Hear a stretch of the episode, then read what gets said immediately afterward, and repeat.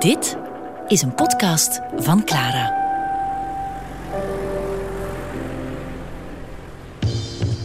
Een gehucht in een moeras. Een hele goede avond. Er is een code nodig om het geheim van een stad te ontcijferen, zegt Mark Ditte. Dat geldt natuurlijk voor alle grote steden, maar in het geval van Brussel is die code misschien toch wat moeilijker te kraken. Voor een buitenlander is het zelden liefde op het eerste gezicht. Ook voor de gemiddelde Vlaming blijft onze hoofdstad een raadsel. Van de 27.000 Vlaamse ambtenaren in Brussel zijn er ongeveer 400 die in de stad zelf wonen. 98,5% rijdt dus na de werkuren de stad weer uit naar een woonst ergens in Vlaanderen. Voor Mark Didde blijft dat een merkwaardig gegeven. Het is het lawaai, zeggen ze. En de wanorde. Er is te weinig groen. En onveilig is het daar. En ook de gebrekkige Nederlandstalige dienstverlening zou hen de stad weer uitjagen. Mark Didden heeft niet de ambitie om de grote ambassadeur van zijn stad te zijn. Ook hij ziet immers haar gebreken. Het enige wat hij wil vertellen is dat Brussel nog zoveel meer is dan wat u en ik er gewoonlijk over in de kranten lezen.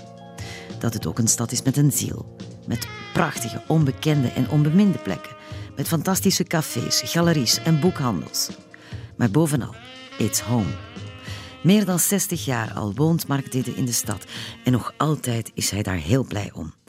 Al is het maar om op een doordeweekse dag bus 48 te nemen naar het Vossenplein.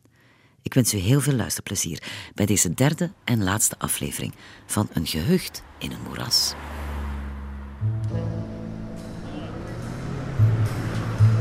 Hier moeten we op bus 48 wachten. En die gaat tot op het Vossenplein. Een gehucht in een moeras met Mark Didde.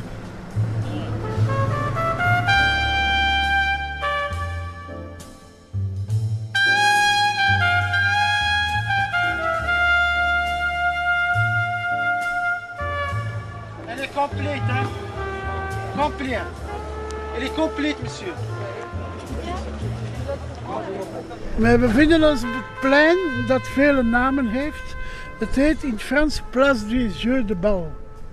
Het heet in het Brussels het Vossenplein. Het heet ook de Voddenmarkt. En Daniel van Avermaat kende nog wel een aantal namen. De bekende Brusselaar Daniel, die helaas ons, ons ontvallen is. Het is een plek die toch meestal wordt omschreven als de Namet, de Oude Markt. En hier is het merkwaardige fenomeen dat er al sinds de 18e eeuw iedere dag, ik zeg wel iedere dag, een voddenmarkt gehouden wordt. Dus ook in de vakantie, ook in de kerstdag. Hier is iedere dag rond een uur of zes een zekere activiteit. Men noemt het in Frans les puces, wat erop wijst de vlooienmarkt. Dat in principe eh, mensen hier alleen hun oude rommel mogen verkopen. En daar wordt nog altijd op gewaakt. Je kunt hier niks nieuws verkopen. Daar zijn andere markten voor, bric-à-brac of zo. Dus op zijn best is de oude markt op een weekdag, wanneer echt de arme mensen van Brussel eerst proberen voor een paar centen een kastrol te kopen of een pan of uh, een paar boeken voor hun kinderen of een kledingstuk. En waar wij nu staan, toevallig op deze plek, heeft heel lang, tot aan zijn dood eigenlijk, Jozef Klaus gestaan met schoolartikelen. Pennen, pennenstokken, gommen, uh, potloodscherpers. En hij stond hier waar wij staan en je zag in zijn gezicht heel goed het gezicht van de ouder wordende Hugo Claus. En dat was een van zijn zonen. En waarom hij die dingen verkocht, heb ik pas later begrepen. Hij heeft ooit in de oorlog, om zijn gezin te onderhouden, een handel in schoolartikelen gehad. Maar zoals met meer dingen in zijn leven is hij failliet gegaan. En hij had hij nog ergens in, in een oude buurt van Gent, in een stokkeerplaats, al die pennen en, en inkpotten staan. En op een dag heeft hij beslist, omdat hier die dagelijkse markt was, dat de enige manier was om daar vanaf te komen, om naar hier te komen. En toen stond hij hier dus bijna altijd. En omdat ik een fan was van het werk van Hugo Claus, en omdat ik die kop ook in hem zag, zei ik op een dag, meneer, u bent de vader van Hugo Claus. En toen grijnsde hij en zei een heel mooi antwoord. Hij zei, ja, maar ook van Odo, Johan en Guido. En ik vond dat mooi dat hij zijn beroemde zoon niet voortrok, Maar tegelijk dat hij ook niet zei, nee, nee, nee, ik ben niet de vader van uw Klaus. Want ze hebben veel conflicten gehad in hun leven. En een stuk van Klaus Proza komt ook uit de Vlaams-nationalistische ideeën van zijn vader. Die ook oppervlakkig bleken te zijn. Hij, hij had de drukkerij in Kortrijk en toen hij merkte dat het een beetje de Duitse kant op ging, dacht hij, misschien is het wel goed om die, die mannen mee te gaan. Daar wil ik niet op ingaan, omdat ik ook geschiedkundig niet geschoold ben. Maar het was wel mooi en het archetype van wie er kan staan. Hier kan ook een man staan die net uit het Atlasgebergte is gekomen, die een paar oude schoenen wil verkopen. Zullen we eens door de stappen? Zo dit volgende komen er.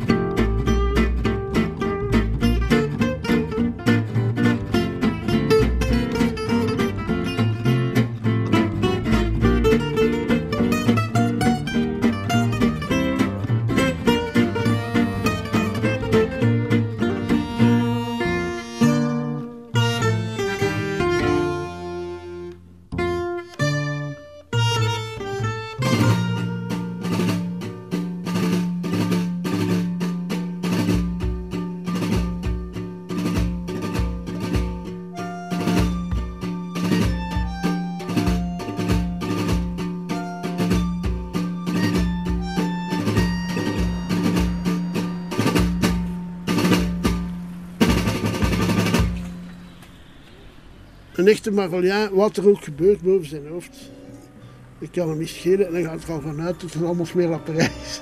Dus dat, dat eigenlijk samen een pint drinken en flauwekul vertellen dat dat het hoogste goed is. Dus wat ze dan ook doen. Het is er nog altijd. Het is natuurlijk overwoekerd door sushi-bars en door, en door kledingboutiques. Maar er is nog wel een spirit. En ik denk, een historicus moet dat maar eens uitleggen. Ik kan dat niet zo goed, maar in de Marolse taal zit bijvoorbeeld nog veel Spaans.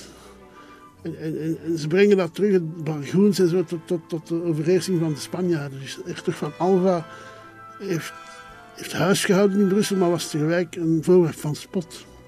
De, de, de geuzen en, de, ja, de, de qua jongens van de, van de Marollen hebben dat eigenlijk altijd uitgedaagd. Het, dat is ook wat er in Breugeliaanse schilderijen zit. Zo. Dus dat is een spirit die ik niet kan omschrijven. Ik ben nu aan, mijn best aan het doen voor de luisteraars van dit programma.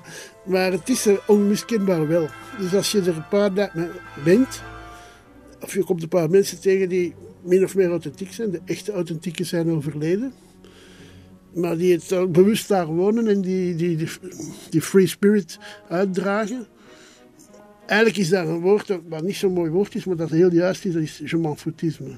Dus ik hoor daar niet bij, want ik ben een, ben een half intellectueel en ik voel ook wel dat er een afstand is. Zeker als je ABN spreekt, vinden ze ook een gek. Maar ze spreken echt nog altijd Nederlands. Dat is een vorm van Nederlands. Dus als je een Franstalige zet en je gaat daarnaast zitten, verstaat je woord. Omdat die zinstructuren zijn Frans, maar die woord, vocabulaire is, is oud-Vlaams. Dus in, in de zin van tien woorden is er een echte Franstalige die echt niet begrijpt. En dat zit ook in de free spirit. Dus ik, ken zo nog wel mensen die, die lompen verkopen of die uh, oude beddenbakken omsmeden tot iets anders. En daar zit een eilandgevoel in. Zo van, die hebben zelfs met Brussel niks te maken. Want die, die lachen uit met de Brusselaars die daar komen antiek kopen en zo.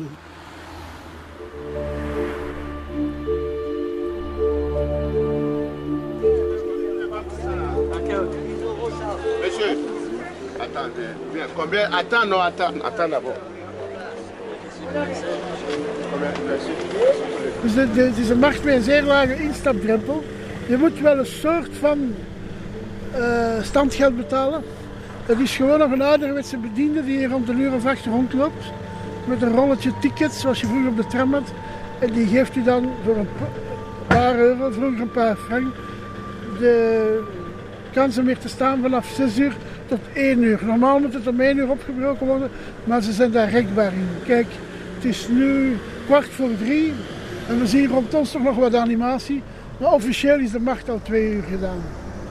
De markt is behalve een centrum van tweedehandsverkoop ook een enorm sociaal ontmoetingsplek voor Brusselaars. Dus ik weet zonder meer, als ik, ik woon in het centrum van Brussel, ik kan de bus 48 pakken hier op de hoek stop. En ik stap uit, ik weet dat ik mensen ga zien die ik ken. Als ik dit rondje doe, ik loop langs een paar van die cafés, op al die terrassen zal altijd iemand zitten die ik ken. En je weet dat gewoon. En dat is eigenlijk rustgevend. Er is ook één gewoon sinds de middeleeuwen al. Het centrum van zorg, dat is hierachter. Dat is het Sint-Pieters ziekenhuis. Dat is al terug te vinden op teksten van de 12e eeuw en zo. Dat nonnen daar met laatsen eh, alle zieken ontvingen. En dat is tot vandaag een groot zorgcentrum en een kliniek van het OCMW met een zeer lage instapdrempel. Dus als je iets hebt, kan je daar binnen gaan. Ze stellen heel weinig vragen. Omdat die traditie er is. Eh, en het is een ja, daar met mensenkliniek. Je voelt dat aan, aan het publiek in de wachtzalen en zo. En, eh, en dat is in teksten van de 12e eeuw ook terug te vinden. Iemand die het niet meer wist. Of een pelgrim op weg van Finland naar Compostela. Die ging hier naar het Sint-Pietersklooster. Ze hebben ook bijvoorbeeld het grootste AIDS-centrum. Een van de grootste AIDS-centrum van West-Europa is binnen Marolla. Omdat zij altijd in hun achterhoofd aan marginale gedachten hebben. Aan mensen die, die vergeten werden door de maatschappij.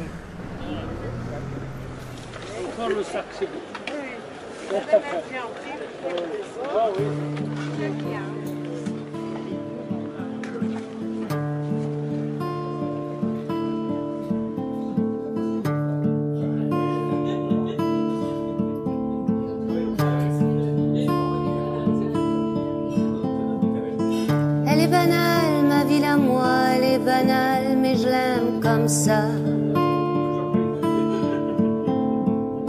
En capitale, quand elle se cambre devant moi, ma belle au bois. Bruxelles est belle quand Louise anime les goulots. Quand Edith chante boulevard en spa, du culot. Quand Charles traîne sur nos avenues nationales. Quand moi je peine aux petites heures matinales, Bruxelles se réveille.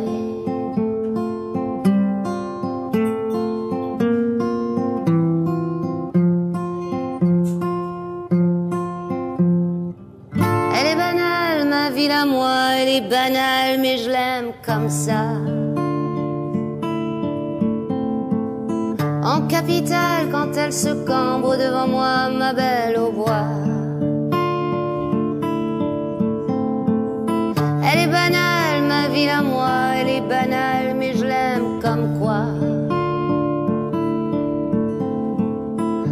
Chercher trop loin ce qu'on a, elle est pas mal, ma ville, comme ça.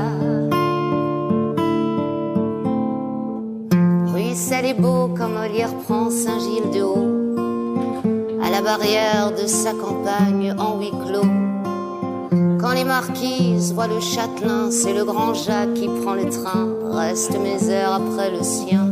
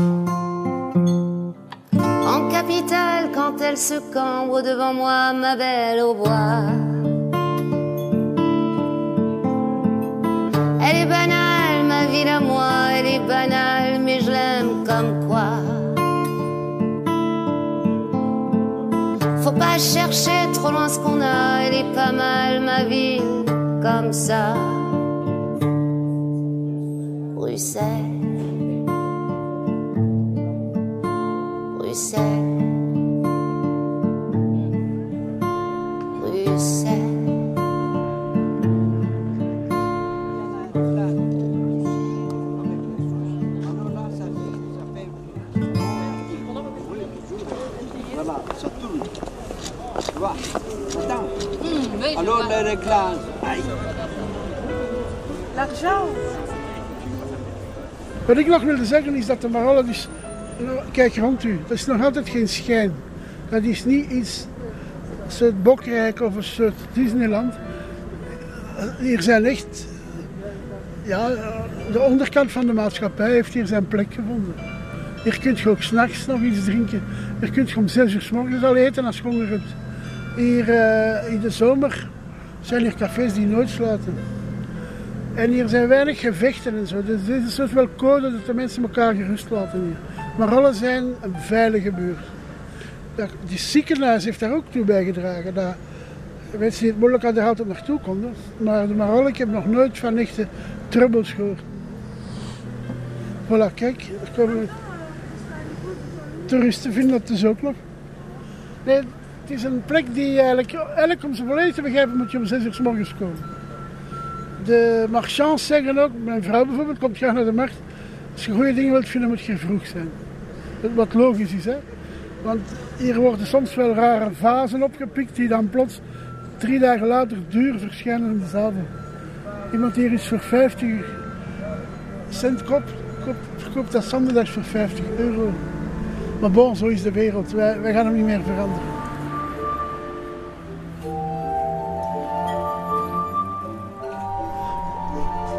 Salut. Euh, tout va bien.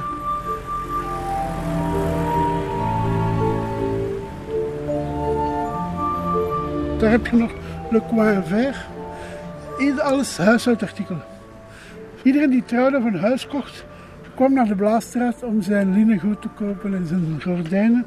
En tot vandaag de dag kan je dat laten maken. Dus je moet niet alleen eh, gordijnen kopen, ze komen die ook thuis hangen en zo. Dus, dus hier is nog een ambacht. Ik, vandaag nu zie zie ik er dus al drie, hè. deze die op de hoek en we gaan nog één tegenkomen. Dat is de, zolang dit er blijft, is ook de, de originele sfeer gegarandeerd dat het niet alleen luxehandel is.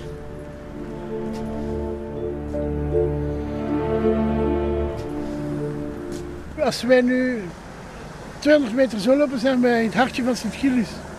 Met opnieuw cafés en in, het centrum. En als wij zo lopen, zijn wij in de Chique Louisa-buurt. Lopen wij zo, dan komen we eigenlijk in de Arneeseswijk. Dat is allemaal zeer geconcentreerd. En achter onze rug nu, en ook nog 100 tot 200 meter voor ons, is de Marolle. Want de Marolle is gek genoeg een vrij afgebakende wijk.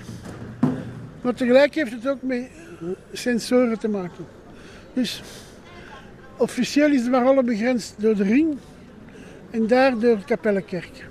Waar het graf van Breugel ligt en ook een monument van Breugel. Daarna stap je eigenlijk in de Zavelbuurt en ben je in het centrum Brussel. Maar iedereen die van hier is, voelt of hij in de Marolle is of niet. Dat is een ongeschreven gevoel. Je, je zet één stap naar links en je zit eigenlijk niet meer in de Marolle. Wie wilt er caricolle? Caricolle? Kom maar wat erbij, kom maar. Hein? Si je te connaissais pas encore, notre aventure vaudrait de l'or. Si on se rencontrait à peine, mon amour, quelle aubaine. J'aurais la langue délicieuse, j'aurais une part de moi milleuse que je répugne désormais. Oh mon amour, qu'avons-nous fait? Je suis de ceux qui restent au port, je sais qu'on devait rire encore. Je suis de ceux, mais tu es le seul, qui reste planté à Bruxelles. Si j'étais celui, toi tu es la seule. Si je reste ici, tu rentres à Bruxelles. Si j'étais celui, toi tu es la seule. Si je reste ici, tu rentres à Bruxelles.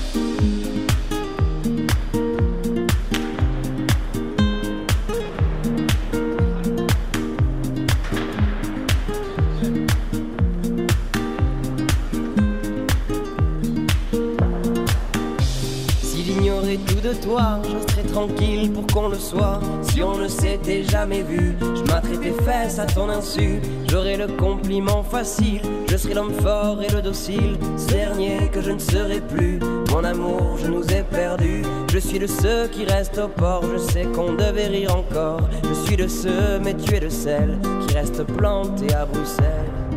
Si j'étais celui, toi tu es la seule. Si je reste ici, tu rentres à Bruxelles. Si j'étais celui, toi tu es la seule. Si je reste ici, tu rentres à Bruxelles.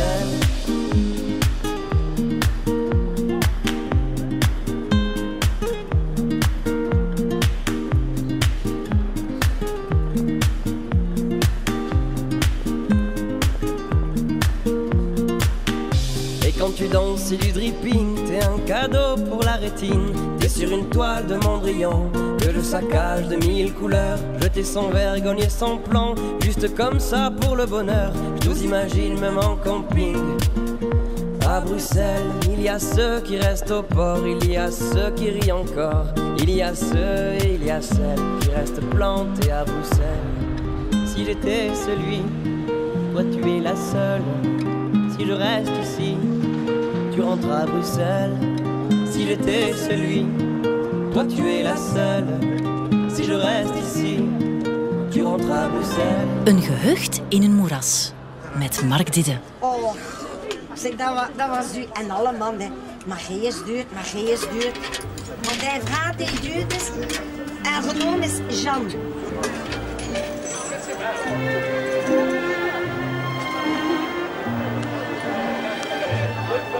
Er is een grote band met die bevolking door hier te zijn en door u niet op te stellen als een soort buitenstaander. Ik ken een man die verkocht uh, caricollen. En uh, het opschrift van zijn, van zijn kraam was Jeff en Maria. En op een dag kom ik langs en had hij met duct tape Maria de kap verplakt. Dus ik dacht, dat gaat daar slecht. En ik durfde nooit niet vragen. Niet dat ik zoveel caricollen eet, maar ik praat wel graag met mensen. Dus ik dacht wel te zeggen, is ze eruit getrokken of is ze...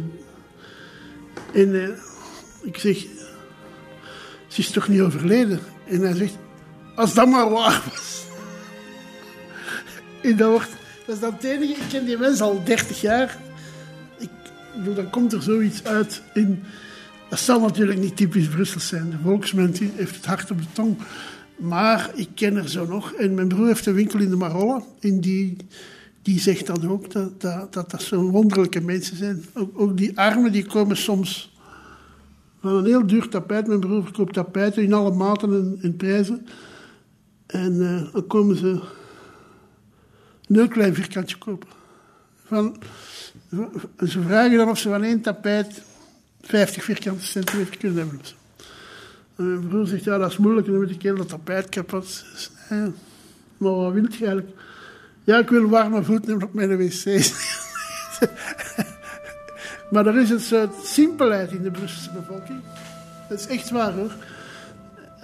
Ik, natuurlijk, ik, bedoel, ik spreek over Brussel, ik spreek niet over Ukkel of zo. Maar als ik in bepaalde wijken van Gent of Antwerpen woon, zie ik veel patricierswoningen. Ik kijk binnen, ik zie kroonlichters en zo in het centrum van Brussel ga je dat niet op vinden. Dus, wij leven nogal simpel.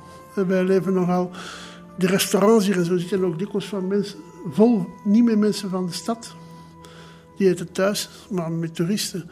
Ik denk dat dat me wel aanstaat. Ik, pas op, hè, ik wil me op glad ijs begeven. En ik, ik, ik merk dat bij de mensen die ik ken, mijn vrienden, er is een zekere eenvoud. Weinig mensen ik heb dat al eens gezegd, weinig mensen hebben een opruilaan. en daar kan dan ook geen hummer op staan. dus, dus omdat niemand... De mensen doen alles te voet en de mensen... er is een soort eenvoud die, die me wel bevalt. Ik twijfel soms waarom ik van Brussel hou, omdat ik echt waar, en we moeten daar niet te lang op ingaan, dat ik het al jaren, zolang als ik weet, slecht bestuurd vind zijn. Maar dan denk ik ook, ik vond Amerika ook leuk toen, George Bush daar, uh, dat mag u niet vergallen. Ik zat even graag in een café in Greenwich Village als Bush. of, dat kon me eigenlijk niet schelen. Ik ben de eerste keer in Amerika gegaan toen Nixon net afgezet was. En toen was daar wel een zucht van opluchting. Ik weet dat er feesten werden gegeven, impeachmentfeesten. Dus eh, natuurlijk heeft wie leiding geeft belang. Maar ik ga mijn leven niet laten vergallen door een minderwaardige burgemeester of zo. Want daar ben ik al wel pretentieus in. Ik vind mezelf interessanter dan Ivan Majeur of, Philip Kloos.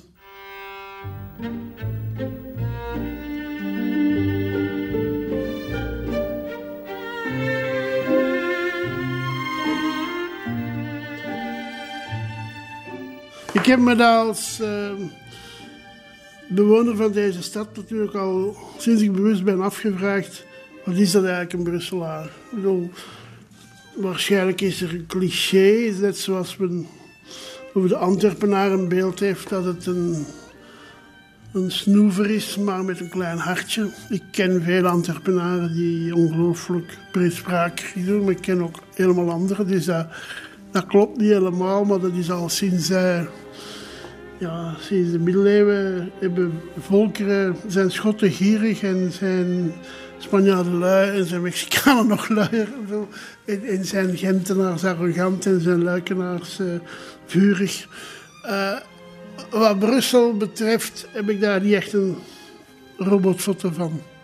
Zeker niet van het multiculturele Brussel. Al begin ik wel dingen te ontdekken. Ik bedoel, ook Bijvoorbeeld bij allochtonen. Ik heb een Marokkaanse vriend. Die in het geheim Rodenbach drinkt. Wat niet mag. Maar hij vindt dat lekker. En hij drinkt dat alleen maar met gepelde garnalen. Ik zeg... Kadi, hij heet Abdelmadek Kadi. Ik zeg Kadi, nu is hij echt een Brusselaar geworden.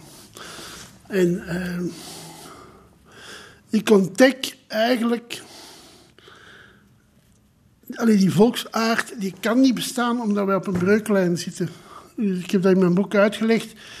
Als ik goede benen zou hebben, ik stap uit deze deur en ik loop drie kilometer, vijf kilometer naar noorden, dan ben ik in Vlaanderen, dan ben ik in Strombeek-Bever. En ik loop vijf kilometer naar het zuiden, dan kom ik via Ukkel in Wallonië terecht. Dus dat voelt zich hier. En dan nog die Spaanse overheersing en dan die eurocratische massa-inbreng van, van en vertalers en lobbyisten. En uh, we zijn een dichtbijland voor, voor, Britten en Duitsers. We zijn een doorrijland voor Nederlanders en, en, en Fransen. Dus dat strandt hier, in de goede wijze van het woord, heel dikwijls in Brussel. Dus het is heel moeilijk om pijl op te trekken van te zeggen dat is nu een echte Brusselaar. Het gemafoutisme is er zeker, een taalonzuiverheid ook. Niemand spreekt hier eigenlijk echt goed Nederlands, maar ook niet echt goed Frans. Dat is iets wat wij Vlamingen niet weten, hoeveel taalfouten de Franstalige Brusselaar maakt. Zowel in, er wordt enorm opgemerkt door Frans, Fransen die hier komen werken.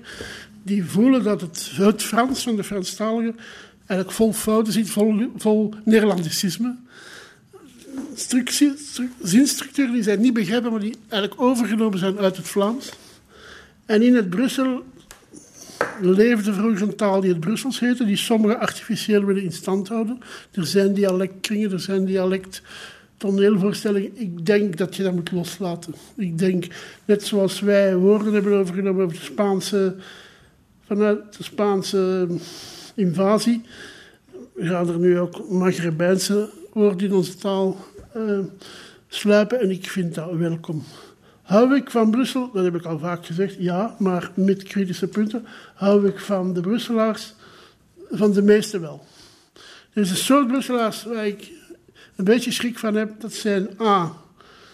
Degenen die hier komen werken zonder zich. Te, uh, ik bedoel daarmee die het als een soort Washington DC beschouwen, die zich totaal niet investeren in die stad. Die gaan in eigen Europese winkels, die gaan in restaurants in de Europawijk. De Amerikanen hebben in hun multinationals allemaal grote bedrijfsrestaurants waar hun personeel uit Amerika aangevoerd eten eet. Dus daar heb ik het last mee. Maar bon, ik denk dat een prijs die je moet betalen als je geen dorp wil zijn. Ik hou ook niet van de Brusselaars die alleen maar een zwaar lezen en met poedels rondlopen en denken dat we nog in 1950 zijn. Dus,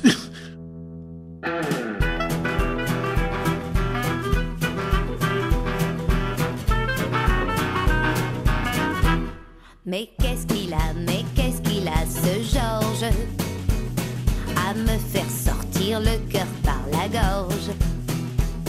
Mais qu'est-ce qu'il a, mais qu'est-ce qu'il a, ce type Qui est toujours là, même quand personne le bipe. Oh là là, oui, ses yeux de braise et sa petite fossette au menton. Je n'endors plus, j'en deviens nièce. Oui, je fonds en pamoison, je soupire son nom. Et elle achète des tas de revues pour y découper ses photos. Sur tous nos murs, l'air détendu, on voit sourire le beau cabot. Mais qu'est-ce qu'il a, mais qu'est-ce qu'il a, ce Georges? À me faire sortir le C'était Clark Gable, autant n'emporterait le vent. Mais je dois me farcir sa belle gueule de donjon toute la journée sur mon écran. C'est quand même mieux que ton football. Occupe-toi lit ou bien picole. Mais si je bois, je réponds plus de moi. Je suis pas plus ménage à trois. Mais qu'est-ce qu'il a, mais qu'est-ce qu'il a, ce Georges? À me faire sortir le cœur par la gorge. L'autre soir passe mes pantoufles. Mais voilà qu'il rapplique aussitôt ma graisse à me laisser sans souffle. Est-ce que mon Georges se permettrait de se laisser aller comme tu le fais?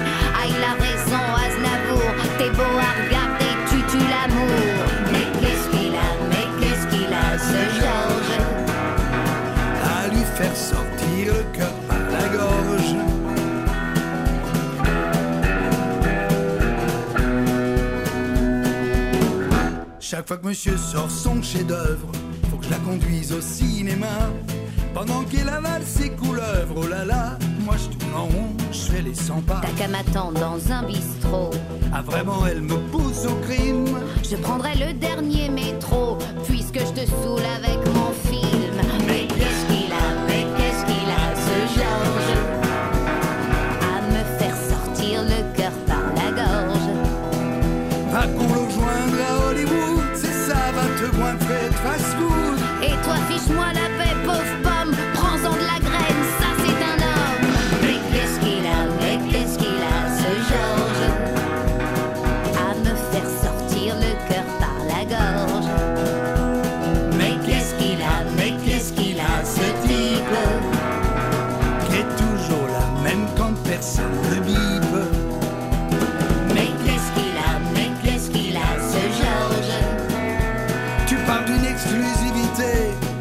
Super Georges il est cloné.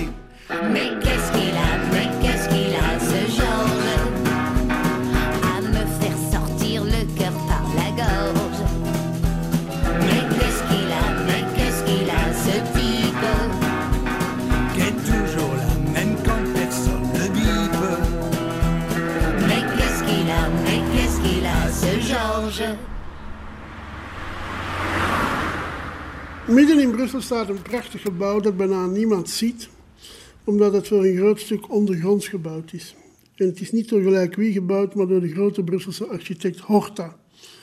Het gebouw is er gekomen bij het begin van vorige eeuw, omdat eh, Leopold II vond dat naast de machtscentra zoals de Senaat en het Kamer en het Koninklijk Paleis en de banken, er zijn in de Koningsstraat een aantal zetels van grote banken en een park, dat er ook een cultuurtempel moest zijn. Avant la lettre, dat begrip was in Europa nog niet zo bekend. Wat nu in Londen de Barbican is of zo, een huis waar van alles gebeurt, wat in Antwerpen de single is.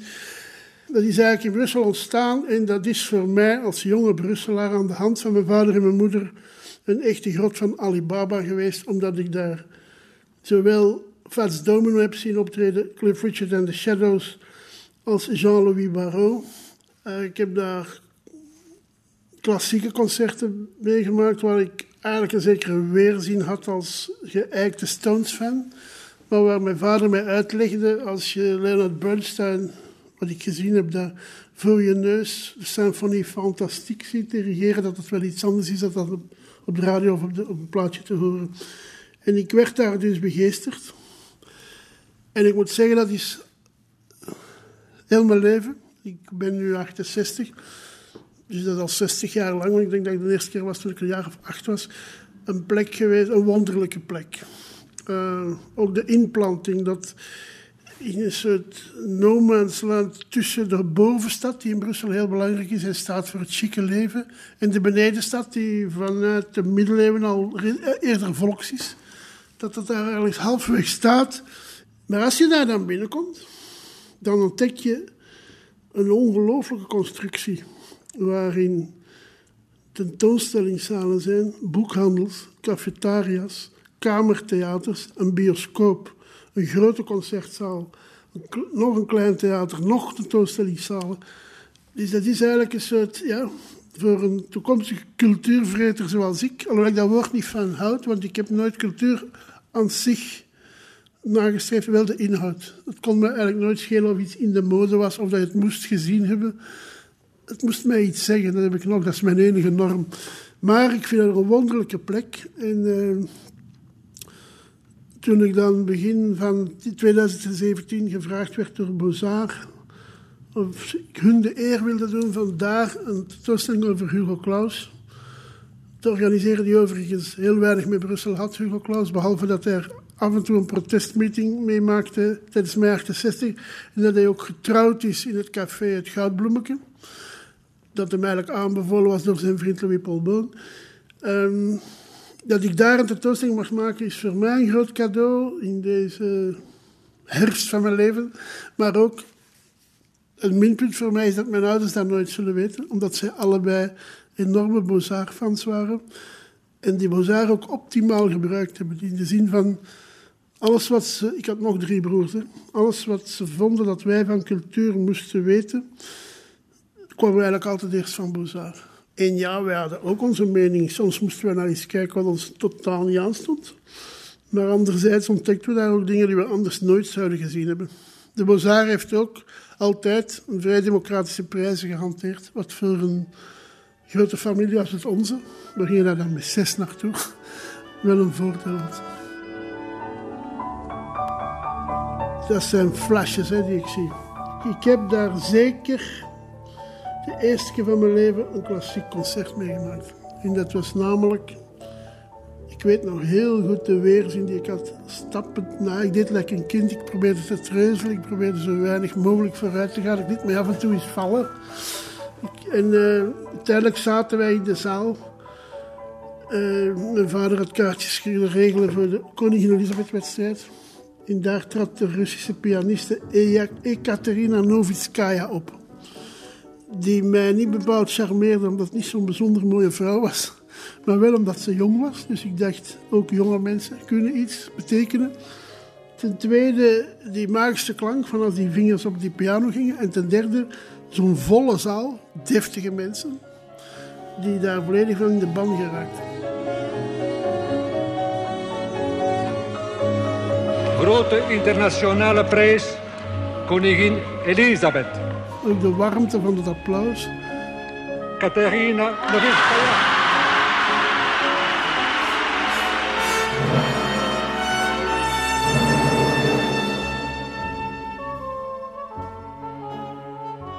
Ik herinner mij dat ik mezelf verweet, en ik, ja, je kunt uitrekenen oud ik toen was. Uh, uh, ik verweet mezelf dat ik de tand toe eigenlijk uh, zo beperkt was in mijn muzieksmaak. Dat ik de plaatjes van mijn oudere broers, namelijk van Elvis, uh, Little Richard. Het verste dat ik ging was Ray Charles. Dat, ik voelde wel aan dat dat iets anders was. Maar um, dat was een magische ervaring. Ik heb daar later Ray Charles ook zelf gezien. Wat ik bijna niet voor mogelijk hield. Want ik had thuis van die kleine singeltjes met Ray Charles op. Die hadden voor mij een heilige status. Die zat in zo'n rekje waar vroeger singles in konden. En ik zat daar soms uh, naar te luisteren als mijn broer het zelf niet nodig had.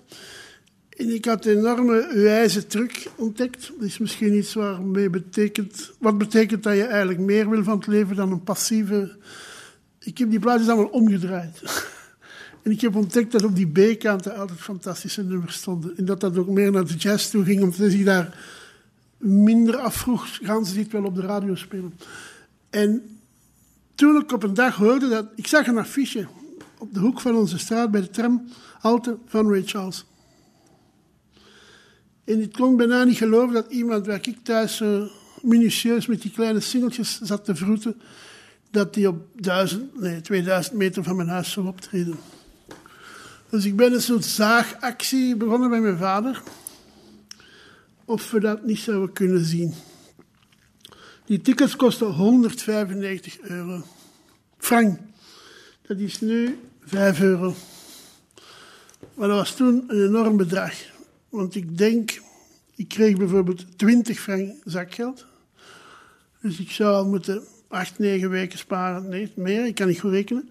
Mijn vader verdiende misschien 10.000 frank. Dus daarvan, we hielden ook principe, als ik mocht gaan, mochten mijn broers ook gaan. Dus dat zou al, zou al met vier geweest Maar dat werd eigenlijk een soort, ja, ik, object dat ik wilde. Ik wilde Ray Charles zien.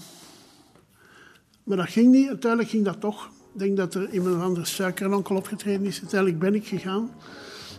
En daar had ik dat terug, die magie van weg met de plaatjes. Je moet mensen live zien. Feit dat die blinde man opgeleid werd. Hij had zo'n assistent die hem tot bij zijn piano brengt. Dan zocht hij zo gezegd, of, of echt, dat weet ik niet, de toetsen. En dan begon hij zo, hit road, Jack. En dan kwamen er drie prachtige meisjes op, zwarte meisjes, die dat dan de backing vocals zongen. En toen kreeg ik ook echt die trilling in mijn onderbuik van hoeveel ik van muziek hield, maar hoeveel ik ook van theatraliteit hield. Het feit dat dat niet op een festival was of niet op een of andere bijgetimmerd podium, maar in de Henri Leboeufzaal met een kroonluchter en met rode gordijnen. En met, ja, ik heb het daar te pakken gekregen. Ik heb er ook Vats Domino gezien, dat weet ik nog. En die deed iets heel indrukwekkend. Ik was toen zelf totaal nog niet zwaarlijvig. Maar op een bepaald moment duwde hij een vleugelpiano vooruit met zijn buik. En dan dacht ik, het is toch fijn showman te zijn.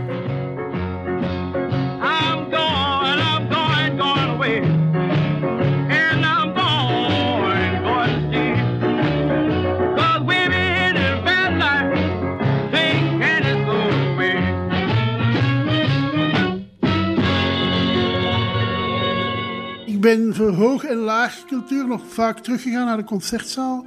Op een moment hebben ze vanuit Bozar een vorige directie gevonden dat het een beetje vulgair was, popmuziek. Dus ik denk dat na Frank Zappa een hele tijd geen pop meer is geweest. En dat dan nog eens Bruce Springsteen is teruggekomen in de jaren 90, maar dan moest dan de akoestische tour van Bruce Springsteen zijn. De E Street Band was daar niet welkom. En zo heb ik daar ook eh, een tweede hoge belevenis voor mij. Een zware bekentenis tegenover Clara en luisteraars. Eh, als twaalfjarige was mijn idool Cliff Richard. En ik was ook zeer onder de indruk van zijn gitarist Hank. Marvin, die een zwarte bril had, zoals men nu in de mode is. Maar toen helemaal niet. En ik moest toen nog geen bril dragen en ik heb mijn moeder toch overtuigd mij zo'n zwarte bril te kopen. Ik speelde ook voor de, voor de Spiegel hele platen van de Shadows na. Ik kende hun bewegingen die ze maakten op het podium. En ik eh, lachte ook zo stomzinnig als Hank Marvin als ik het publiek bedankte. Maar ik heb toen ook wel ontdekt dat zij muzikale kwaliteiten hadden. Zij lieten zich ook wel eens gaan in zo'n concert. Want de mensen zaten toch al binnen, dus dat hadden al betaald. Dus dan speelden zij wel eens een jazzy nummer. Ik- er is één nummer waar ik altijd gek van geweest ben, dat heet Nivram. Staat nog op mijn... Ik heb geen iPod, maar ik heb wel zo'n iTunes-lijst. Ik draai dat bijna iedere dag, omdat het... Het is jazzy, het is geen jazz, maar het toont wel meesterschap. En ik heb pas honderd jaar later ontdekt dat Nivram gewoon omgekeerd Marvin is. ik heb me altijd afgevraagd waarom weet dat nummer zo stom. Merci, merci beaucoup. Ah, et maintenant, nous allons jouer euh, un morceau de jazz avec euh, la basse solo de Alan Tony.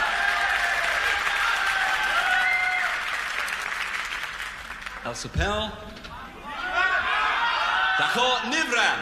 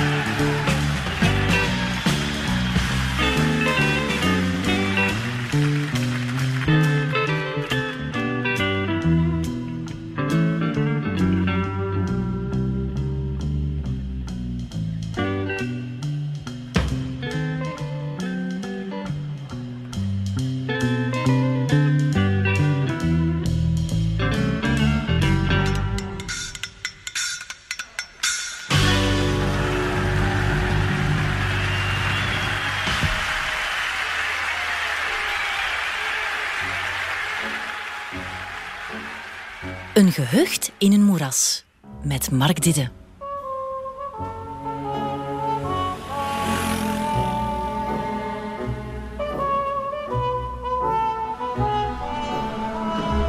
We bevinden ons op de iets wat rare Keizerinnenlaan.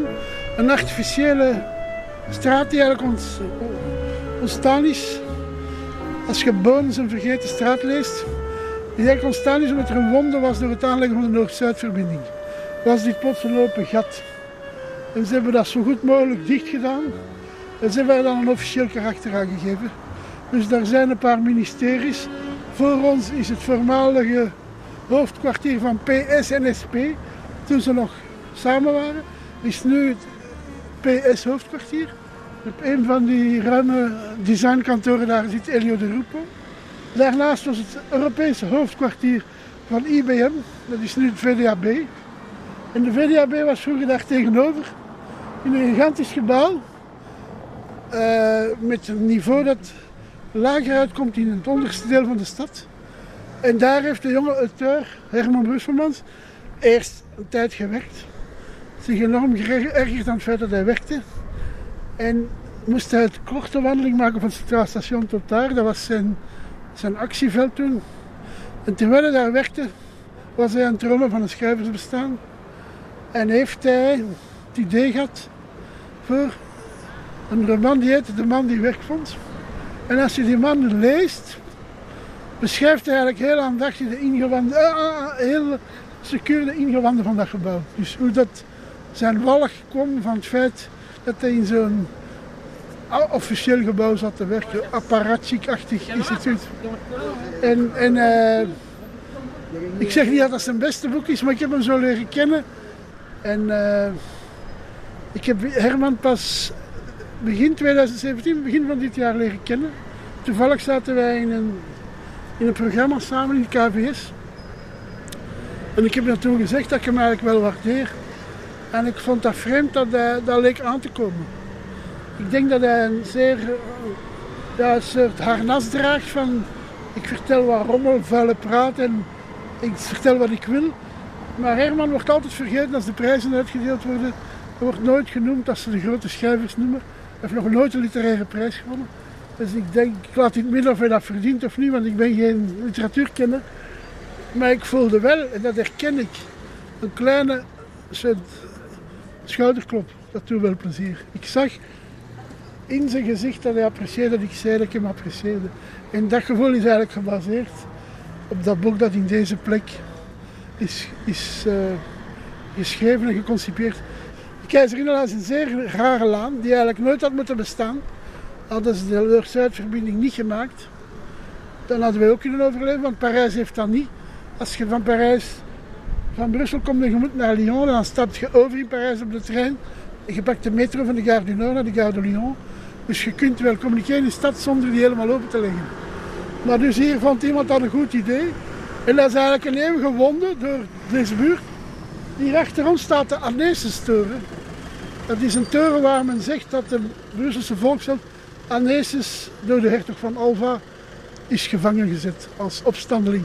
Gek genoeg hebben ze die toren laten staan, die hier nu als de letterlijke tang op een varken staat, naast een bowling. Het volgende is dan weer een verzekeringsmaatschappij. Maar al overstappend gaan we hem toch zien. Het is ook wel een anachronisme waar ik van houd. Allee, anachronisme is niet, het is een soort waanzinnig idee. Dat voor toeristen wel handig is. En voor historici ook. Want het bepaalt namelijk waar de stad stopte vroeger. Dus die toren die we zoiets gaan zien, die moest je door en dan word je niet meer in Brussel. Dus waar wij nu waren, waren eigenlijk al velden buiten Brussel. We gaan nu zonder ons laten oversteken.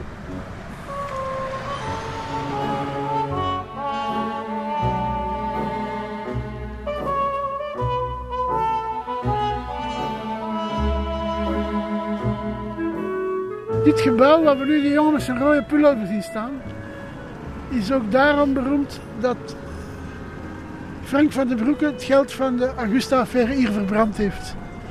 Dat geld heeft hij hier uit die automaat gehaald en heeft hij dan verbrand. Dus dat is een andere historische anekdote. Ik moet ook nog iets zeggen over dat frietkot. De stad Brussel heeft vorige week beslist. Er zijn nog acht frietkotten op het grondgebied van Brussel. En iemand die niks anders te doen had op het gemeentehuis, heeft beslist dat die er te slordig uitzien. En te weinig iconisch. Er is nu officieel, I'm not kidding you, en het is niet 1 april. Er is nu officieel een architectuurwedstrijd uitgeroepen om het ideale frietkot ontwerpen. Dat bij de stad past. En dan zullen een aanbesteding komen en dan zullen na nieuwjaar die acht frietkotten gesloopt worden en zullen daar acht identieke frietkotten komen met de officiële goedgekeurde stadsarchitectuur. Ik ben daar bang van. Dat is ook, ja, je kunt altijd voor alles een reden bedenken. Maar ik denk dat het een van de leuke dingen is, net zoals uh, duivenkoten en zo, dat er een soort volksarchitectuur is. En dat die iemand die hier toe komt, deze is nu door een Roemeen uitgebouwd, dat hij dat inricht zoals hij dat wil en dat hij daar een soort hok van maakt. En, en in, in, in de Matonge zijn er Afrikanen die frietkoten uitbaten. Ik vind dat eigenlijk tof dat daar een zekere anarchie in zit. Het feit dat dat nu geregeld wordt, ja, dat zal om hygiënische redenen misschien wel niet slecht zijn. Maar ik vind het wel jammer dat er voor alles regulering bestaat. Ik ben blij dat ik net oud genoeg ben om ook nog een beetje het wilde meegemaakt te hebben. Ik weet niet wat het is. Misschien de geur van regen op de straten.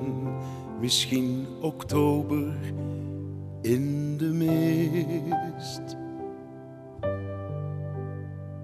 Ik weet niet wat het is, waarom ik nu na al die jaren plotseling Brussel mis. Plotseling Brussel mis. Ik weet niet wat het is, misschien de zon die twijfelt op de daken, misschien een standbeeld op het plein. Ik weet niet hoe het komt dat ik na al die jaren zo dringend in Brussel moet zijn. Misschien is iets in mij nooit weggegaan, blijven staan. Ergens tussen de munt en de midi. Ik weet niet wat het is, misschien de jazz van toetsons op de radio, s'avonds laat op RVI.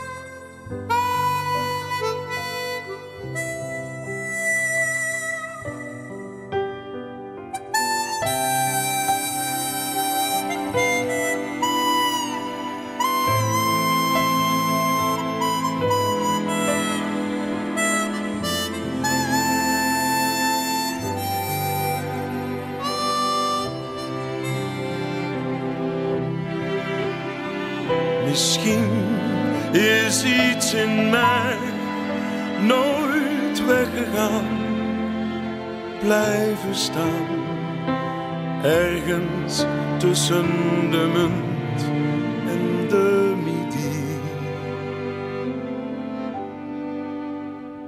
Ik weet niet wat het is, waarom ik hier vanavond plotseling jou weer zie. Plotseling jou weer zie.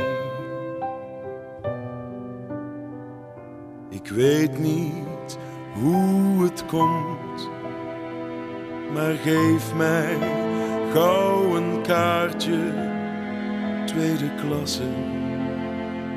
Bruxelles,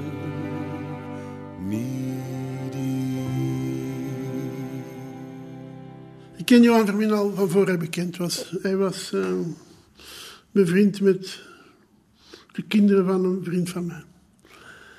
En daar werd van gezegd, die jongen kan goed zingen en die gaan naar het. Want Johan wilde acteur worden. En op een dag ben ik Johan leren kennen, waar we niet bevriend, maar we hebben regelmatig met elkaar gepraat. En toen kwam ik weer eens in de straat tegen. Hij heeft mij gezegd, ken je dat ding daar tegenover? Ik zag zo'n blauwe bar achter. Ik zeg, ja, ik ken dat al helemaal leven. Ik ben, wat is dat? Is dat een nachtclub of is dat een, een bordeel? Een huisje of een bar? Kom maar aan eens binnen. Stappen over. Daar was niemand. Daar waren zo zetels waar een beetje ressorts uitsprongen en zo. En daar stond jazz op. Ik spreek nu. Eind jaren 70, begin jaren 80. En een stokoud vrouwtje uh, bediende ons. Ik weet nog dat ze zo'n zilveren schotel had en dat ze drankjes opzetten, dat die drankjes was verschoven. En ze gaf ook veel te gulle whiskies. Je zag dat dat niet iemand was die nadacht over ik, denk, ik dronk toen af en toe een whisky en je kreeg eigenlijk een whisky. Een driedubbele whisky. En er waren geen andere klanten. En Johan interesseerde haar als zijnde de weduwe van Stan Brenders. Stan Brenders en het café dat Brenders ooit had geopend om jazz een beetje toegankelijker te maken, heette Archiduc. Al van rond vlak voor de Wereldoorlog. Ik vond het daar meteen prachtig. Dus die architectuur is echt geweldig. Er staan mooie foto's van. De sfeer was geweldig. En Johan porde haar zo aan om het verhaal van Stan te vertellen, Stan Brinders, dat wel gedocumenteerd is. Er zijn ook echt documentaires over gemaakt.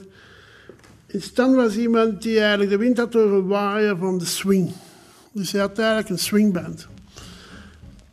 En dat was enorm populair in de tijd dat de mensen nog geen tv hadden en echt uitgingen en dansten. En zij slaagden dan in tijdens een concert verplichte nummers te spelen, Stardust en zo. Maar ze gooiden daar ook improvisaties in. Ze wilden ook wel eigenlijk jazzmensen zijn. Het was ook entertainment. En dan is er een duistere periode waar zij niet over wil praten. Waar eigenlijk een film over kan gemaakt worden. Men verwijt Stan Brenders, die een gevierd muzikant was, die ook resident was bij Flaget, omdat de omroep nog niet gesplitst was. Die deed vooral voor NIR als INR concerten in de grote zaal van Flaget. Men verwijt dat hij in de oorlog zijn ziel verkocht heeft omdat hij wilde blijven spelen en zijn orkest wilde blijven laten leven. Heeft hij voor de Duitsers gespeeld. Is hij ook in Berlijn gaan spelen op verzoek van de Duitsers. Is hij daar goed betaald. Heeft hij ook residenties gedaan. Terwijl mensen hier een beetje aan sterven waren van honger, zat hij wel champagne te drinken in Duitse hotels. Maar ik vind dat een zeer moeilijk probleem, zeker om een kort bestand op te lossen van de morele verantwoordelijkheden van een artiest of de beoordeling van het moreel bij het werk later. Ik bedoel, Caravaggio heeft misschien ook wel eens iets Duits gedaan. Maar dat wil niet dat zijn schilderijen niet goed zijn. En Stan Brenders heeft een keuze gemaakt tussen spelen en niet spelen tussen zijn muzikanten ontslaan of in leven te houden. Tussen voor de Duits optreden of niet. Ik, ik vind dat een moeilijke kwestie, maar ik voelde in dat verhaal die nacht in de archiduc met veel whisky erbij, dat dat een zware wonde was in haar leven. Ook omdat zij Franstalig was en hij Vlaams. Maar ik ging toen, het was in de winter, ik ging mijn jas weghangen in, in, in een hokje.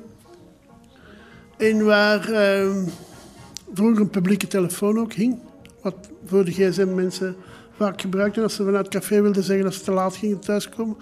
Uh, daar hing een prachtig ingekaderde foto van Stan Brenders en ik denk dat hij er nog hing. En die had voor mij, ik heb toch een beetje mensenkennis, want ik heb veel les gegeven, ik heb veel films gemaakt, ik heb veel interviews gedaan. Ik voelde meteen wel dat dat iemand was. Dus ik ben met stukken en brokken en ook wel een beetje met de hulp van Rob Leurentop, de jazzkenner, uh, af en toe toch iets van hem gaan beluisteren. En er zijn twee dingen die ik daarover wil zeggen. Eén is dat daar een mooie documentaire bestaat, die makkelijk te vinden is op het net. En dat Dominique en de, de Rudder en ik ooit gedacht hebben daar een film over te maken, over die Duitse periode. Dat heet Berlin Palace. Dat is geschreven, maar dat is nooit geproduceerd. Omdat er blijkbaar niemand interesseert. En daarin komt die keuze van... Als je daarvoor staat als artiest... voer ik mijn kunst verder uit, maar met hulp van de verkeerde mensen.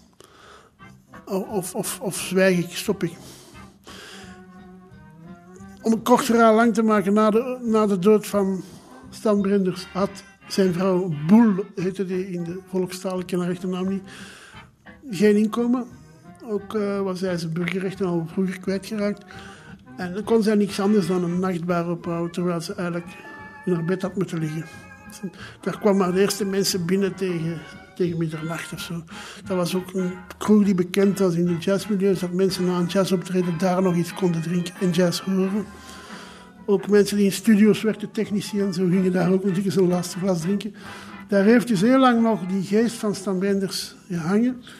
En toen Dominique en ik aan dat script bezig waren, hebben wij wel research gedaan. En dan blijkt hij eigenlijk daar ook niet zo slecht uit te komen. Hij heeft dat ook ingezien op een bepaald moment.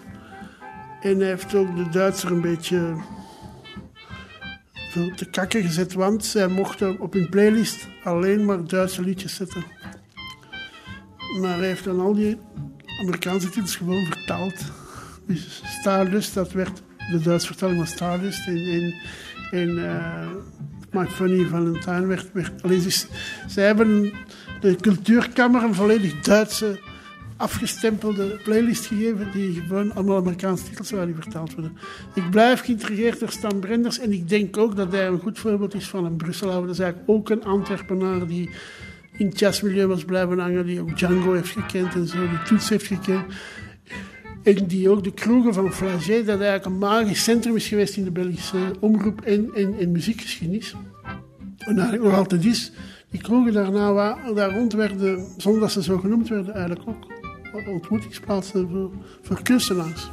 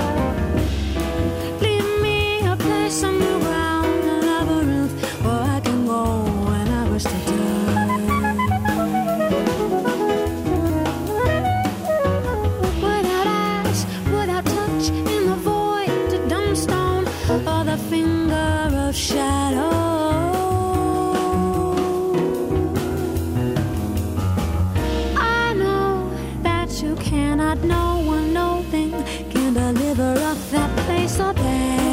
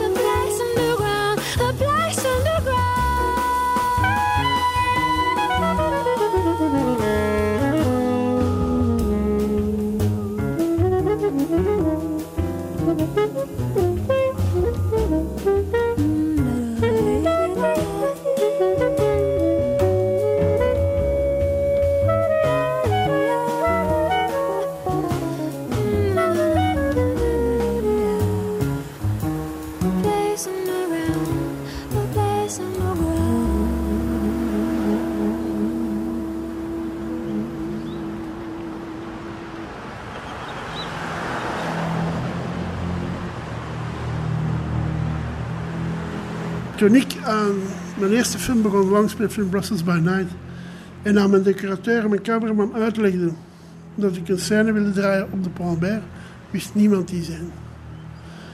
Iedereen die al uit Brussel binnengereden is met de trein, of doorgereden is, heeft de Pont Albert gezien, al per toeval of niet. Dat heeft vele andere namen. Sommigen noemen dat een Hortabrug, anderen noemen dat de brug van Schaarbeek. Anderen kijken gewoon nooit naar boven, hadden die inderdaad niet gezien, ook al pendelen ze al 30 jaar. Eh, maar ik vond dat altijd een ongelooflijk schoon voorwerp. Omdat het, we hebben dan later gezocht, een van de enige bruggen in België is gemaakt die in gewapend beton werd gemaakt, om destijds te bewijzen dat gewapend beton A. stevig was, staat er nog, en B. mooi kon zijn. Dus het is een soort demonstratie, afspraak tussen, denk ik, de, de treinmaatschappij en de gemeente Schaarbeek, om geen ingewikkelde tunnel te moeten graven onder de sporen, om van het stuk van Schaarbeek andere te raken. Hoe heb ik dat leren kennen? Als kind. De Pont Albert ligt naast de vaart Brussel-Willebroek. En daar was een bureau van de douane, waar een oom van mij douanebeambte was. Die moest die schepen die in en uit Brussel voeren, allemaal nakijken, loodjes op de, op de lading doen en zo. Er was een eenzame ziel, die oom Nok Marcel van mij, een man die, die ook in gevangenschap had gezeten in de oorlog, die nogal verbitterd was. En die eigenlijk in het geheim beeld houden. Die eigenlijk een artiest was en die daar eenzaam die boten moest controleren. Maar mijn moeder, die hield enorm van die broer. Die hield van al haar broers, maar die broer hield ze enorm. Dus wij deden wel eens regelmatig de trip van waar wij woonden tot het station van Schaarbeek. Waar nog altijd een mooi station is. Waar je een paar straten moet oplopen. En om dan bij de voorhaven te geraken, omdat wij geen auto hadden, moesten wij die hele brug over. Nu, nu, nu doe je dat op één minuut. Maar als je zo'n kleine beentjes hebt, is dat een lange brug. En komen er veel impulsen tegelijk naar je toe. Want daaronder rijden treinen. Over die brug zoeven auto's.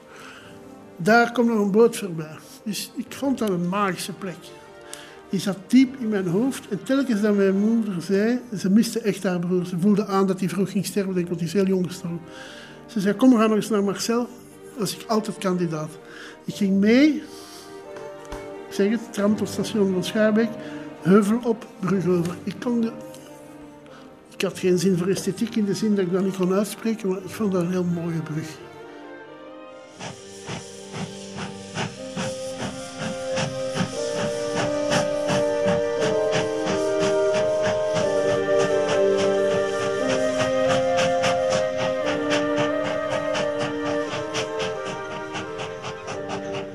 En het was nog in de tijd van de stoomtreinen. En die brug is uitgemaakt altijd links en rechts smalle balken die een boog over het treinspoor maken. En er kwam zo'n stoomtrein voorbij en mijn broer liep die balken op en verdween plots in de stoom van die stoomtrein. En mijn vader roept, Leon, ons weet mijn broer, doe zo stom niet. En we horen een gil. En die trein is ook weg en mijn broer staat niet meer op die brug. En zij dachten dan, mijn ouders, dat hij van die brug was gevallen, maar ik wist dat. Ik dacht, ga nu over die reling, die gaat daar doodbloedend liggen. En ze keek over die reling en toen kwam hij achter zo'n balk en lachte naar ons uit. Maar ik heb toen echt ontdekt, achteraf interpreteren, toen heb ik dat niet ontdekt, maar dat ik een angstige mens ben. Dus ik, eh, ik, ik ben geen grote avonturier. Ik ga niet door de jungle, ik ga niet eh, om vier uur s'nachts uh, in beurt met junkies en zo rondlopen. Ik heb, ja...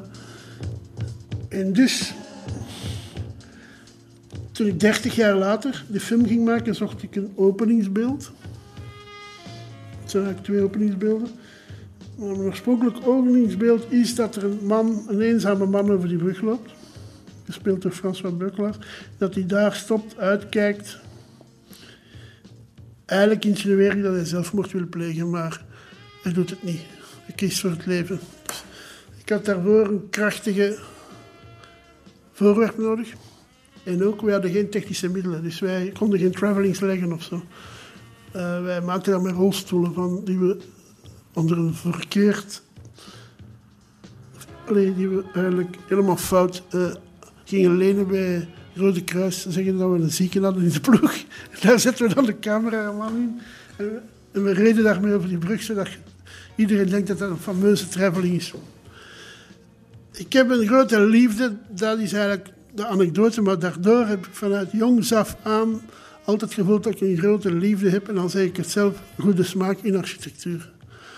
Ik heb nooit een huis gebouwd, omdat ik vind dat er al huizen genoeg zijn.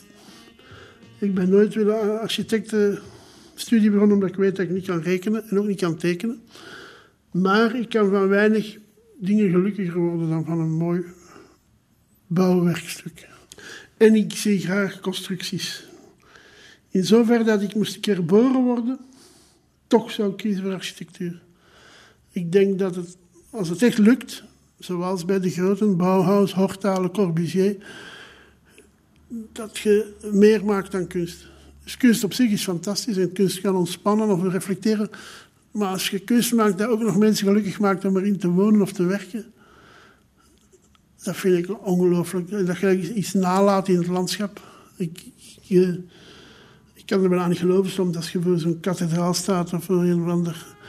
Ja, dat ik denk van, dat, is, dat geeft me heel veel geloof in de mens. Als ik een keer cynisch ben, denk ik, iemand heeft dit toch bedacht, iemand heeft iets uitgetekend, andere mensen hebben dat gebouwd. Empire State Building, de, Chrysler Building in New York. Ik moet huilen als ik die zie.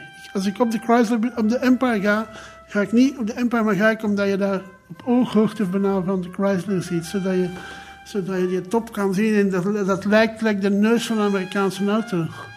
Daar zitten zoveel krullen in en zo dat ik denk, levende mens. Ik vind dat echt ongelooflijk.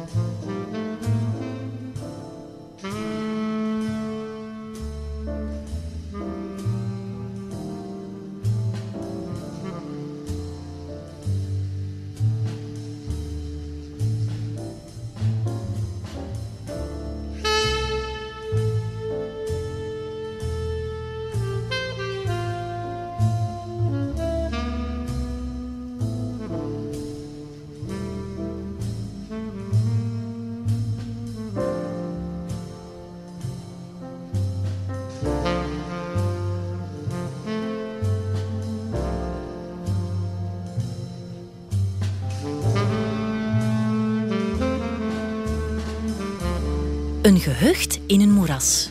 Met Mark Didde.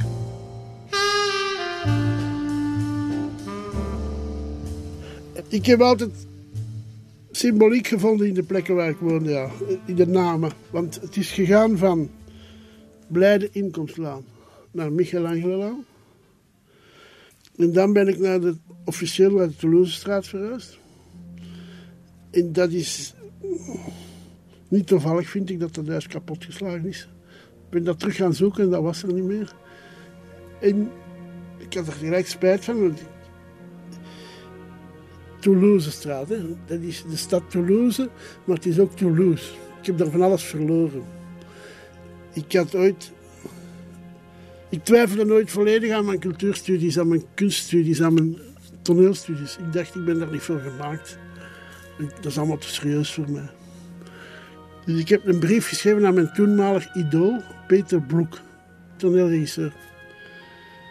En ik heb die een lange geschreven. Echt arrogant ventje van ikke van 20 jaar, die aan Peter Broek uitlegt hoe moeilijk het is om theaterregisseur te worden. Ik stuurde daar een adres in Parijs dat ik op een van zijn boeken had zien staan. En ik, ik krijg natuurlijk geen antwoord. En ik denk, uh, hufter. En ik krijg zes maanden later een brief uit Iran. Perzië. Van Peter Broek. Die zegt, het heeft wat tijd geduurd, maar ik heb het u gelezen en, en uh, ik begrijp wat je doorgaat en zo. En het is een tunnel en je gaat uit die tunnel komen. En als je voelt dat je toneel moet doen, moet je dat doen. Als je twijfelt, moet je het niet doen, want er zijn al genoeg middelmatige mensen. Dus in, in, ik was zo trots met die brief. En uh, toen ik wegging uit dat huis in Toulouse, daar had ik hem in de kelder zitten. Ik was daar al een jaar weg, toen dacht ik plots, die brief van Broek zit in die kelder. Dus ik ben terug geweest en die deur stond half open. Dat huis was leeg.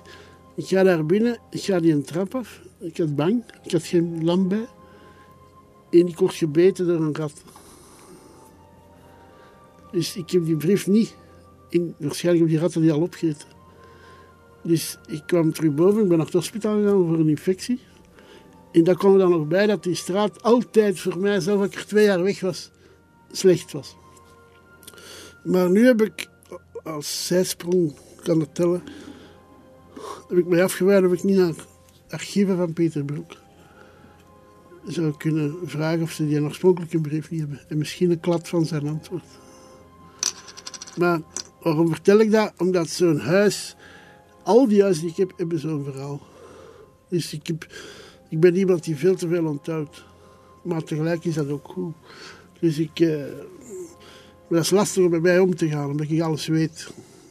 Iemand die mij beledigd heeft op 30 jaar geleden, ik weet niet alleen dat hij beledigd heeft, maar ik weet exact wat hij gezegd heeft. Op één woord na.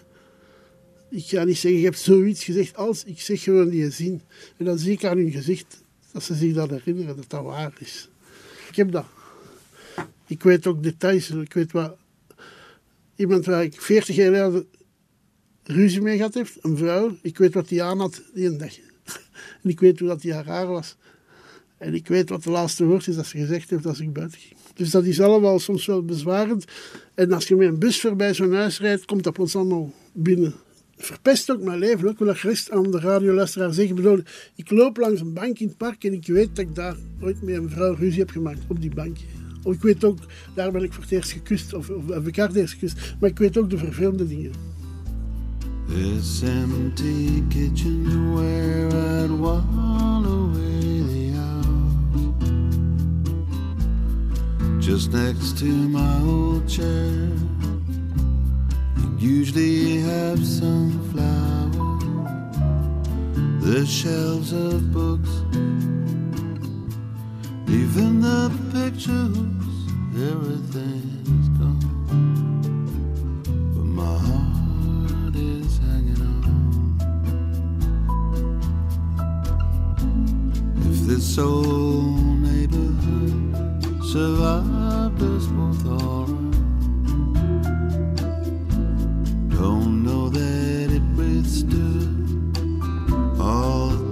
that took our light. You on the stair, I can see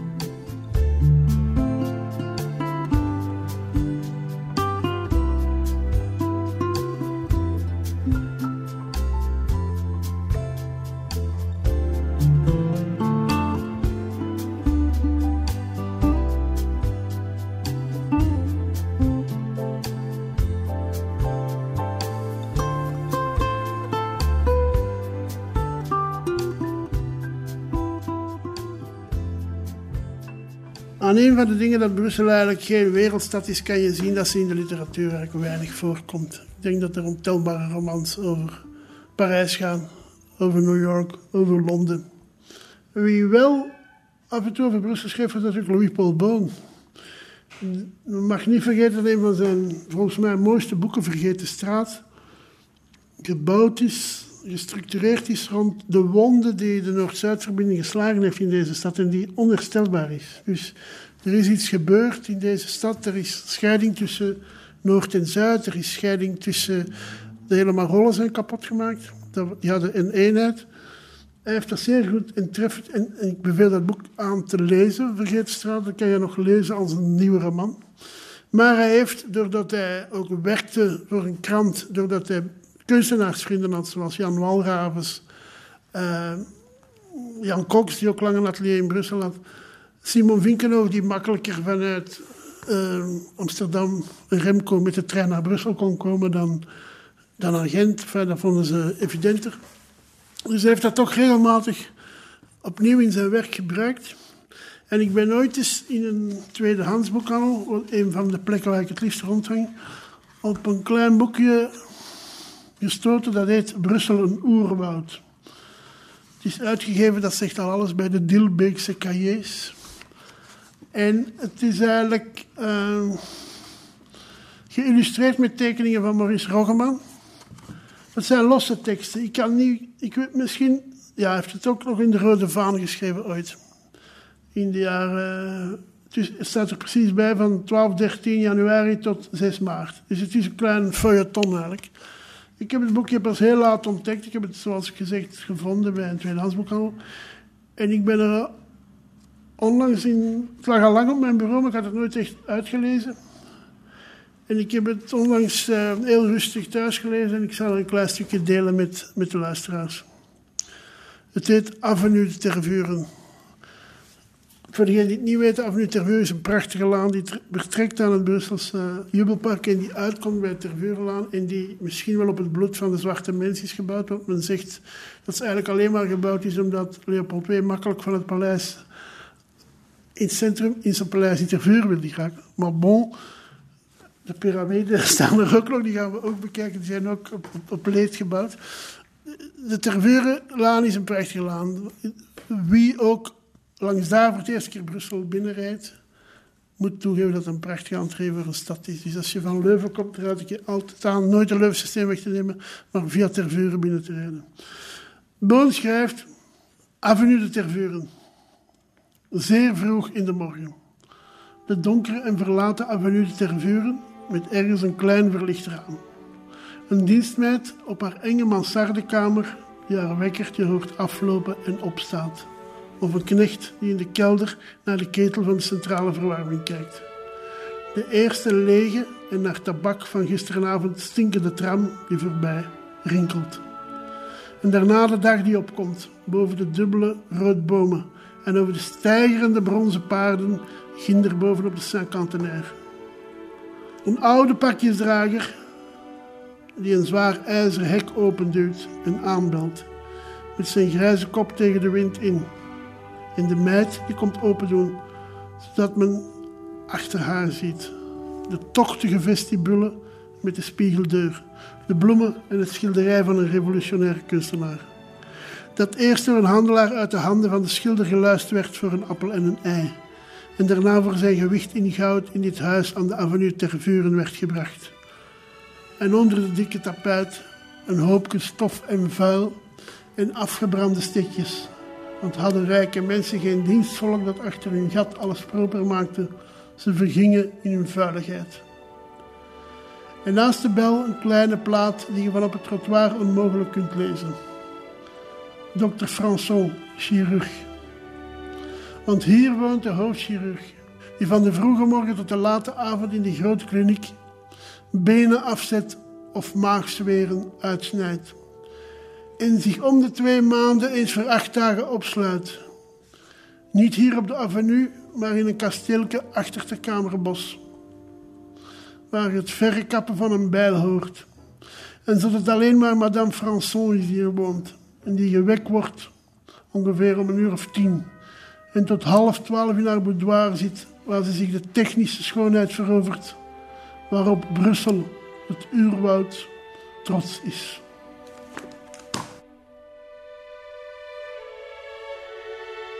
Ik heb dat gekozen omdat ik, vind het ongelooflijk dat er nog steeds bestaat die, die scherpe contrast tussen arm en rijk in een stad als Brussel. Als je de Louisalaan uitloopt, daar is een lift. Tot, tot aan het einde van de Louisalaan en het plein, Pollardplein, is er rijkdom. Dan neem je een lift en je staat in de Warolle bij de armste mensen van de stad. Dat in een andere stad is dat met suburbs of banlieues. Hier is dat een paar trappen of een lift. En ook in Boon zijn tijd, die een arbeidersjongen. Ik vind het mooi dat hij niet over Brussel schrijft, over mannekapis en over chocolade en over de gezelligheid. Maar ook over die bourgeoisstad, die je nog altijd ziet opdoemen in grote stukken van de stad. En waar je een verkeerd beeld van hebt als je hier in het centrum woont. Hier lijkt het me aan een studentenstad en er zijn allemaal sushi-bars en, en cafés. Maar er is een grote rigide stad met enerzijds eurocratische gebouwen en anderzijds patriciërswoningen. Bijna van 11 kilometer lang. Bijna van, eigenlijk 11 kilometer lang. Van Saint-Cantenaire, waar hij over schrijft, de triomfbogen, tot als je in het dorp ter Vuren bent. In de stad is nu. Er is enorme rijkdom. Die mij, ik ben niet jaloers op die mensen. Maar die mij en hem blijkbaar fascineert. Dat mensen om te kunnen leven eh, personeel nodig hebben. Dat ze hun eigen vuilnis niet buiten zetten.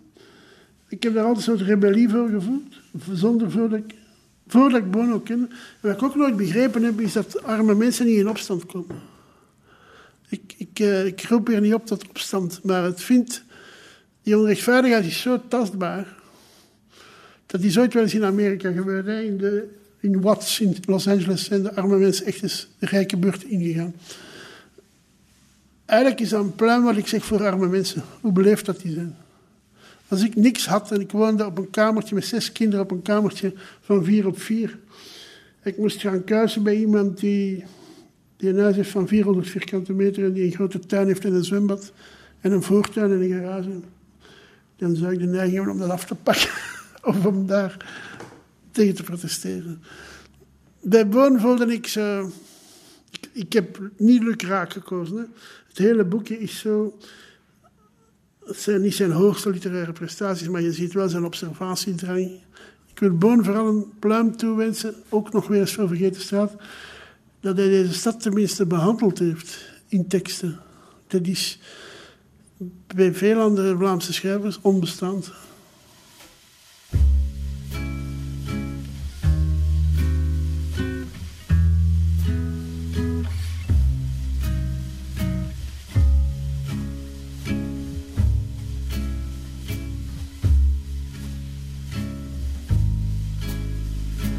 Sur sa petite table jaune à fleurs, au milieu de nos odeurs, quel bonheur. Madame Pipi fait la gueule. Dans son assiette qui s'abîme, luisent les pièces de vingt centimes sublimes. Madame Pipis fait son film. Elle a plus de style dans ses gestes que toutes ces stars du show business. Plus de classe que les gens qui passent en costard, trois pièces. Avec sa bombe, elle vaporise la vie salace des journées grises. Elle aseptise les fosses plus sceptiques qu'une église.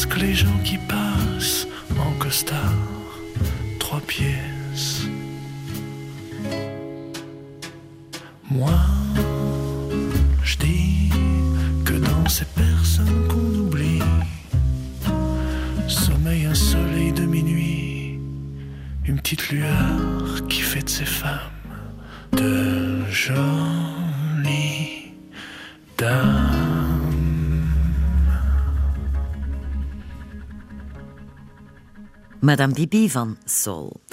Dit was de laatste aflevering van Een gehucht in een moeras. Herbeluisteren kan via clara.be, de Clara-app of via podcast. En u kan nog altijd mailen naar eengehucht.clara.be. Meer over het Brussel van Mark Didde kan u lezen in zijn gelijknamige boek dat uitgegeven is bij Luster. Ontdek ook onze andere podcasts via clara.be. Clara Podcast. Blijf verwonderd.